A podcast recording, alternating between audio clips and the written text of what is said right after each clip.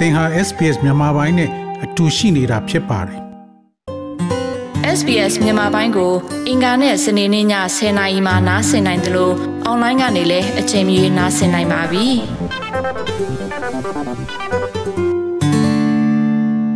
အနာသိန်းစစ်ကောင်စီဟာကရင်နီပြည်နယ်ကိုထိုးစစ်ဆင်ခဲ့တာတလကြာနေပါရှိခဲ့ပါပြီ။ ရက်ကြလာတဲ့နဲ့များထိခိုက်ကြဆုံးမှုတွေများလာတဲ့အခြေအနေမှာစစ်ကောင်စီဟာပြည်내တွင်တိုက်ပွဲတွေမှာတော့ခင်မီလက်နက်တွေဆက်တိုက်သုံးလာခဲ့ပါတယ်။တပ်ဖွဲ့ဝင်100ကျော်အထိကြဆုံးထားတဲ့စစ်ကောင်စီတပ်ဟာဒီမော့ဆိုမြို့နယ်ဒေါငံခါကိုနေ့တစ်ပိုင်းတိုက်ပွဲအတွင်းမှာတင်လက်နက်ကြီးတွေနဲ့အချက်ပေါင်းရာချီပစ်ခတ်ခဲ့ပါတယ်။ဒီတိုက်ပွဲမှာဒေသခံပြည်သူကာကွယ်ရေးတပ်တွေဟာဒေါငံခါကနေစုခွာပေးလိုက်ရပါတယ်။ အဲ့ဒီတိုက်ပွဲမှာတိုက်လေရင်တွေနဲ့ပါတိုက်ခိုက်တဲ့အပြင်လက်နက်ကြီးတွေတုံးရမှာလဲအရင်ရက်တွေကမတုံခဲ့တဲ့ rocket တွေကိုအတွဲလိုက်ပစ်တဲ့ဒုံးတင်တွဲကားတွေပါအတုံပြုလာတာပါအင်အားအလွန်ကျွံသုံးလာတဲ့အခြေအနေနဲ့ပတ်သက်ပြီး KNDF V01 တပ်ရင်းရဲ့ပြန်ကြားရေးတာဝန်ရှိသူကစစ်ကောင်စီတပ်ကမှအလုံးချင်းအင်အားနဲ့ထိုးဝင်တဲ့အချိန်မှာလက်နက်ကြီးတွေနဲ့အရင်သုံးတယ်ပေါ့နော်ဟို ကဲသူတို့နီးစပ်ဆုံးဆိုရင်ခွန်ကိုတွေနဲ့ထုတယ်60မနဲ့ထုတယ်ပြီးတော့ကျွန်တော်တို့ဒီဟိုဒီမို့ဆိုတရားနေလေးနေတို့တက်စီကိုင်မှာကျွန်တော်တို့ကျန်တဲ့တွေနဲ့ထုတယ်ပေါ့နော်အဲပြီးတော့ဒီမိုးပြကိုက်လာတဲ့အခုစစ်ကြောင်းကျွန်တော်တို့ခါဒေါန်ခါမရောက်ခင်ဒီတိစုလဲအဝေးမှာတင်ဟိုတင်ကားနစီလေးရှိတယ်ပေါ့နော်အဲ တင်ကားကရင်လည်းထူတာရှိတယ်ပြီးရင် jet fighter ရယ်နဲ့ကျွန်တော်တို့ပြစ်တာလည်းရှိတယ်တွဲကားတွေနဲ့ပြစ်တဲ့ဒုံးတွေနဲ့လည်းကျွန်တော်တို့ပြစ်တယ်ပေါ့နော်ဟို6လုံးနဲ့8လုံးနဲ့လို့စတိုက်ဒါအဲ့လိုမျိုးလက်နက်ကြီးတွေခဏခဏထူတော့လောဆယ်မှာကျွန်တော်တို့ကပြန်ခုခံနိုင်စွမ်းမရှိဘူးနော်ဟိုလက်နက်ငယ်ချေးရှင်မယ်ဆိုရင်တော့အာကျွန်တော်တို့မှာအများကြီးတာတာပါတော့လဲအခုလိုလက်နက်ကြီးအဲစတိုက်ထူနေတော့ကျွန်တော်ဘက်ကအရင်ဟိုတိခိုက်တရားရတဲ့ဟာတွေများတယ်ဟို အနေလည်းများတော့ကျွန်တော်တို့ဟိုတနိုင်တလားဆုတ်လိုက်ဟိုပြီးပြန်ခံဖြစ်တယ်ဟိုသူတို့ လက်နက်ကြီးတွေစတိုက်ထုတယ်ဆိုရင် ကျွန်တော်တို့ ဆုတ်တိတလားပြန်ဆုတ်ပြီး ပြန်ခံဖြစ်တယ် အဲ့လိုနဲ့ အခုလက်ရှိ ကျွန်တော်တို့တော့ခါဒီကတခုလုံး မဟုတ်ဘူးမဲ့တော့ခါရဲ့တော့ခါကြည့်ရရှိတဲ့ကွက်လေးတကယ်ကွက်လုံး တကူလုံးနဲ့ရတော့တော့ခါရတော့လောက်ပြရတော့ခုလက်ရှိမှာ ပေးလိုက်ရပြီပေါ့နော် ပြီးခဲ့တဲ့ဖေဖော်ဝါရီ15ရက်ကစပြီးရှမ်းကယားနယ်စပ်မိုးပြဲကနေဒီမော့ဆိုမြို့နယ်တဲ့စစ်ကြောင်းထိုးလာတဲ့စစ်ကောင်စီတပ်ကိုဒေသခံတွေကခုခံစစ်ဆင်နွှဲခဲ့ကြရတာပါလက်နက်အင်အားမများလို့တနေရာပြီးတနေရာဆုတ်ခွာပေးနေရတဲ့အခြေအနေမှာစစ်ပေးရှောင်တွေဟာလည်းအစင်စစ်ပြောင်းရွှေ့နေကြရပါတယ် မိုးပြဲကနေနမ်မေခုံ ဒီမော့ဆို ဒေါငံခါအထိ ဒေသခံတပ်တွေစုခွာပေးလိုက်ရတဲ့ အခြေအနေမှာ ရှောင်တိန်နေကြရတဲ့ စစ်ပေးရှောင်တွေဟာ နေထိုင်ရေးအတွက် အမိုးအကာတွေနဲ့ ရိတ်ခါချောက်တွေကအစားလိုအပ်နေတာပါ အကူအညီတွေ လိုအပ်နေတဲ့ စစ်ပေးရှောင်တွေကို နောက်တန်းမှာကြံခဲ့တဲ့ ရဲဘော်တွေကပါ ဝိုင်းဝန်းကူညီပေးခဲ့ရတယ်လို့ KNDF 07 တပ်ရင်တက်ခွဲလေးရဲ့တက်ခွဲမှုကပြောပါတယ် သူတို့ရှောင်လာတာက အခုမှ စရှောင်လာတာမဟုတ်သူတို့ရှောင်လာက တော်တော်လေးကြာပြီ သို့ပေမဲ့ အခုမှ ဒီဘက်နယ်ကို ရောက်လာတော့ဗောနော် သူတို့က နောက်တစ်ဆင့်ပြီးတစ်ဆင့်တစ်ဆင့်ပြီးတစ်ဆင့် ရှောင်ရတာကွာဘာလို့လဲဆိုအခု ဒီ ကျွန်တော်တို့ကနေပြည်နယ်မှာဒီလေယာဉ်တွေခါကျတော့အတိက စစ်ဘေးရှောင်တွေ ရှိတဲ့နေရာကိုပဲတက်ကတ်ထားပြီးတော့ပုံကျဲတဲ့ခါကျတော့ တော်တော်ခုကိုကျဲရင်အမတော်တော်ခုစစ်ဆောင်ကနေ အခုလက်ရှိနေရာကို ရောက်လာတယ် အဲလိုပုံစံမျိုး ဖြစ်လာတဲ့ခါကျတော့ဒါတွေက လုံးဝမလောက်ဘူး မိုးကာတွေခါကျတော့ဒီအခု ကျွန်တော်တို့ ဒီ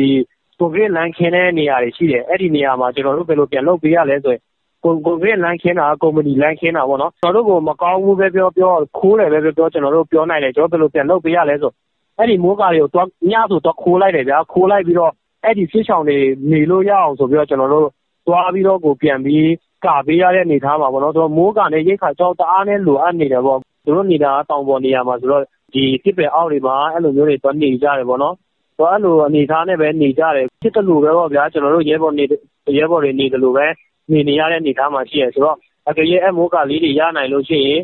ရေတွေဘာညာရစားသူတို့လောင်ထားနိုင်တယ်အဲ့လိုပေါ့ဗျာအခုခါကျတော့ရေကိုတို့ဘယ်လိုလုပ်ရလဲဆိုတော့ဘုံဝါလေးတွေနဲ့ရှိသမျှဘူးတွေအကုန်လုံးကျင်းပြီးတော့ရေလောင်ထားရတဲ့အနေအထားမှာအဲအဲ့လိုရှိတယ်စစ်ကောင်စီတပ်တွေဟာကရင်နီပြည်နယ်တဲကိုတလအတွင်းမှာတင်ဗျူဟာနှစ်ခုတပ်ရင်း6ရင်းကအင်အား600ကျော်ရှိတဲ့စစ်ကြောင်းတွေနဲ့ထိုးစစ်ဆင်ခဲ့တာပါ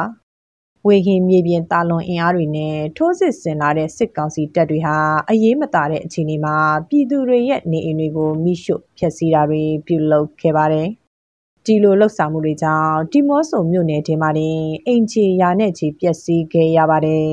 ။ဒီအခြေအနေမှာနေအိမ်တွေကြံမှုဆူတောင်းနေရသလိုမြေပြင်မှာအသက်ပေးတိုက်ပွဲဝင်နေတဲ့ရဲဘော်တွေကိုစာနာမိတယ်လို့ဒီမော့ဆိုစစ်ပေးရှောင်းတူကပြောပါတယ်ညီမတို့ကညီမတို့အဲ့ရဒီ လက်ခံနေဆိုလို့ရှိရင်ဟိုဟာဆယ်လုံးလောက်ပဲချားမှာပါပြီးလို့ရှိရင်ဟိုဘက်ကတော့ခါပဲလေညက်ပြောရမှာပေါ့နော်ရက်ကွက်ကနောက်ထပ်တော့ခါရောက်ဖို့ဆိုနောက်ထပ်ပဲချားတာလေဒီစီရတော့ရတယ်ဟိုအဲ့လိုမျိုးပဲပြောရမှာနော်ယူရင်ယူပါစီတော့အဲ့လိုမျိုးပြောရမှာပေါ့အဓိကတော့ကိုဟိုဟာပေါ့ကျန်နေဖို့အဲ့ကျန်ခဲ့ရင်အဆင်ပြေတော့အဲ့လိုမျိုးအဲ့လိုမျိုးပဲတွေ့ရတော့ဟုတ်ဒီအရှိရှိကဟိုဟာပေါ့ တော်တော်ကြီးလည်းအဲ့ဒီလူတွေတော့ပိုအားနာတော့ကိုအကွာကွာပဲအဲ့ဒီကိုစိုးရင်ပဲမဲ့လည်းသူတို့ကအသက်ရင်ထားရဆိုတော့အဲ့လိုမျိုးပုံစံဖြစ်နေတော့အာနာသိန်းကာလအတွင်းတိုက်ပွဲတွေဆက်တိုက်ဖြစ်ပွားခဲ့တဲ့ကရင်နီပြည်နယ်ကဒေသခံတွေဟာပြီးခဲ့တဲ့2021ခုနှစ်မေလကလေးကစစ်ဘေးရှောင်ခဲ့ကြရတာပါ ပြီးခဲ့တဲ့နှစ်ကစစ်ဘေးရှောင်8000ဝန်းကျင်ရှိခဲ့ပေမဲ့ဒီနှစ်မှာတော့နှစ်စကလေးကတိုက်ပွဲတွေထိုးစစ်တွေရှိခဲ့တာကြောင့်ကရင်နီပြည်သူ2သိန်းကျော်အထိစစ်ဘေးရှောင်နေကြရတယ်လို့ကုညီပေးနေသူတွေကပြောပါတယ်အင်အားသုံးအလွန်ကျွံပစ်ခတ်မှုတွေကြားမှာစစ်ဘေးရှောင်တွေဟာလုံခြုံတဲ့နေရာမရှိတော့ဘူးလို့ပြောလာသူကတော့ကရင်နီစစ်ဘေးရှောင်ကူညီဆောင်ရှောက်ရေးကွန်ရက်ရဲ့တာဝန်ရှိသူပါအဓိကကျွန်တော်တို့အခုဂရင်းမှာစီစီရီယာပ နိုင်ငံတက်ပါတယ်ဒါပေမဲ့ဂရင်းမှာတေးပို့ဆောင်ရေးခက်ခဲရှိလို့စက်စီဒီဇယ်ရဲ့ပို့တယ်ဗောနော်အမှတချို့ကားတွေလည်းမရှိကြဘူးကျွန်တော်တို့ပြန်နေတော့နိုင်ကြောက်လေးတော့ကိုယ်ကူပေးချတာဗောနော်ဒါပေမဲ့အခုတော့မကူနိုင်ရဘာဖြစ်လို့အများရောနော်အဲသူတို့ transportation တွေတော့ခေါ်ရောက်ကြပြီးတော့အဲ့လိုသူတို့အရင်အခြေချနေအောင်မိုးကားတွေပါတယ်နဲ့ရောတခြားလို့ထားတော့တချို့ကလည်းမယူအောင်လို့တချို့ကဖြင်းပိုက်ခွေထားတာဗောနော်ဘယ်နာစာဘယ်နာစာဗောနော်အဲ့လိုထင်းခွေလာရှိအထင်းနဲ့မတည့်တော့နိုင်ဘူးကွာအခုအပြည့်ပြန်စားရတဲ့ဆိုတော့အခက်ခဲဖြစ်နေကြတယ် သူတို့ကထူးဆန်းလာဆိုတော့အရင်ကကျွန်တော်တို့အခြေချတဲ့နေရာကနေတစ်ဆင့်ပြန်ဆောင်ရတော့ပေါ့နော်အဆင့်ဆောင်တဲ့နေရာကလည်းဘယ်လောက်ထိလုံခြုံမလို့အမှန်တကယ်မရှိဘူးပေါ့မရှိတော့လည်းအဲ့လိုပြောမဆိုအရင်ကတော့ဖိဆောင်သူဖိဆောင်ဆိုတဲ့နာမည်နဲ့ပဲရှောင်ရအဆင်ပြေနေပေါ့နော်ဘာလို့လဲအဲ့လောက်ထိတော့ကပုံများအခုတော့ကများနေကြတော့ပေါ့နော်အဲ့တော့အဲ့တော့ခုဒီနေထားဆောင်နေတယ်တေချာမီရတော့လေနော်အဲ့ဒီစစ်တိုင်းမရောက်နိုင်ဘူးမလီတောင်းနေဘယ်နေရာဖြစ်ဖြစ်လို့ရလေနော် အော်နေရာဖွဲ့စည်း ကျွန်တော်တောင်းထင်ရကြပါပြီနော် အမြင်တော့လာပြီးတော့မြောင်တော့လာပြီးပြီးတော့နော်ဒီရောက် တချို့ energy energy ရောဝင်နေတာရှိပါတယ် ဒါပေမဲ့ အဲ့လိုဆက်ပြီး GDP ရောက်လေး လာချင်ပါတယ်ပေါ့ ကရင်နီပြည်ကို ထိုးစစ်ဆင်နေတဲ့ စစ်ကောင်စီဟာ ဒေသခံပြည်သူကာကွယ်ရေးတပ်ဖွဲ့တွေအပြင် စစ်ဘေးရှောင်စခန်းတွေ ပြည်သူတွေခိုလုံနေတဲ့ကြေးရွာတွေနဲ့ ဘာသာရေး အဆောက်အဦတွေကိုပါပြစ်မှတ်ထား တိုက်ခိုက်မှုတွေ ပြုလုပ်ခဲ့ပါတယ်။ ပြီးခဲ့တဲ့တလအတွင်းမှာလင်ရင်နဲ့ပုံကျဲတာလက်လက်ကြီးတွေနဲ့ပြစ်ခတ်တာအပြင်စစ်ကောင်စီတပ်သားတွေရဲ့တပ်ဖြတ်မှုကြောင့်တာမန်အရက်သားနဲ့စစ်ဘေးရှောင်ပြည်သူ10ဦးကျော်သေဆုံးခဲ့ရပါတယ်။ကြအပြင်ဘာသာရေးအဆောက်အုံ10ခုထက်မနည်းထိခိုက်ပျက်စီးခဲ့ရတယ်လို့ဒေသခံကာကွယ်ရေးတပ်ဖွဲ့ကထုတ်ပြန်ထားပါတယ်။ စစ်ကောင်စီရဲ့ထိုးစစ်တွေကိုရရလက်နက်သုံးပြီးပျောက်ကြားစနစ်နဲ့နေမြေကိုကာကွယ်နေရတယ်လို့ KNDF V06 တရင်မူကဆိုပါတယ်။ဟောကျွန်တော်ဒီစက်တိုက်ဖြစ်နေတာအခုဆိုလို့ရှိရင်တော့တလနီနီရှိတော့မယ်ဆိုတော့သူတို့တရွာပြီးတရွာရှိတော့တိုးလာတယ်ဒါပေမဲ့သူတို့ရှိတရွာနှစ်ရွာတိုးပြီးလို့ရှိရင်အစောပိုင်းကသူတို့ယူထားတဲ့ရွာတွေကနေရာပြန်ပြီးဟတ်သွားတယ်။အဲ့မှာကျွန်တော်တို့နောက်နေလဲပြန်လို့တော့သူတို့က သူတို့ပျောက်ကြားနေပေါ့နော်သူတို့ငိုင်းမိတဲ့ချိန်မှာကျွန်တော်တို့ကဘောနော်လာပြီးတော့မှဘောနော်ပြည့်တော့ကျွန်တော်ကကိုရရရွာဆိုတော့ပြည်တယ်လေကနာလာနေလို့ကောင်းတယ်ပြည့်လို့ကောင်းတယ်ဆိုတော့အဲ့မှာစောက်ပြီးတော့မှဘောနော်အဲ့လိုပျောက်ကြားနေပြည်ပြီးတော့မှပြန်သိမ်းဆောင်ပြန်တော့ထဲမှာဘောနော်ဒီရွာတွေဒီမှာပြန်ပျောက်သွားတော့သူတို့ကအဲ့ဒါတွေခံရတာများတော့ဒီရောက်တဲ့ရွာတွေကိုနီးတွေရှိတယ်နောက်ပြီးတော့မှဘောနော်ခုကျွန်တော်တို့ရွာဆိုလို့ရှိတော့ဘောနော်ဒီအိမ်ခြေက200ရှိတဲ့ထဲမှာ 190နီးနီးလောက်ပေါ့နော်ဒီလုံးနဲ့တစ်ထောက်ကြည့်တဲ့အိမ်က ဟိုတလုံးဆက်ဒီတလုံးဆက်တလောက်ပဲ ကျန်တော့တယ်အဲပေါ့အခုကျတော့ ကျွန်တော်တို့ ပျောက်ကြားပဲ လုပ်ရဆိုတော့ရေတော့ကပျောက်ကြားမလုပ်တဲ့ တိုးပဲပေါ့နော် ပြီးခဲ့တဲ့ တလောက်ကျွန်တော်ကဆိုလို့ရှိတော့ဖြစ်ကျွန်တော်တို့ကြည်စီထားတာတွေ ရှိတော့ရောပေါ့နော်ပြီးခဲ့ကိုခွဲရှင်ပြလို့ရတယ်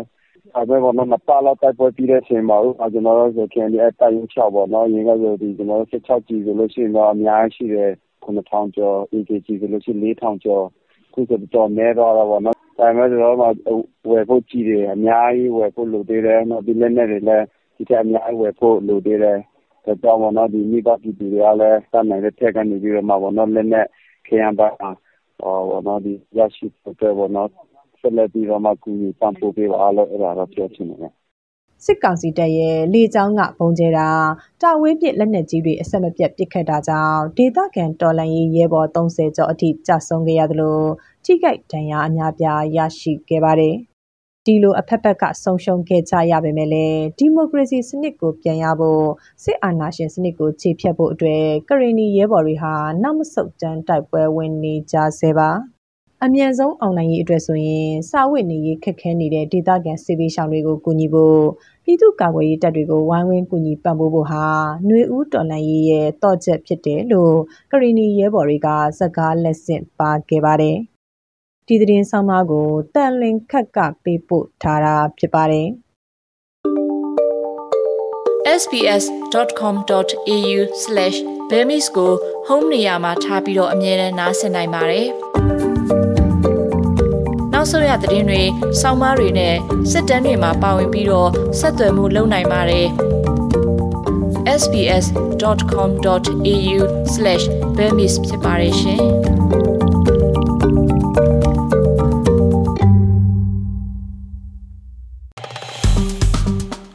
SPS မြန်မာပိုင်းကို Facebook ပေါ်မှာ like ရှာပြီး like မျှဝေမှတ်ချက်ပေးပါ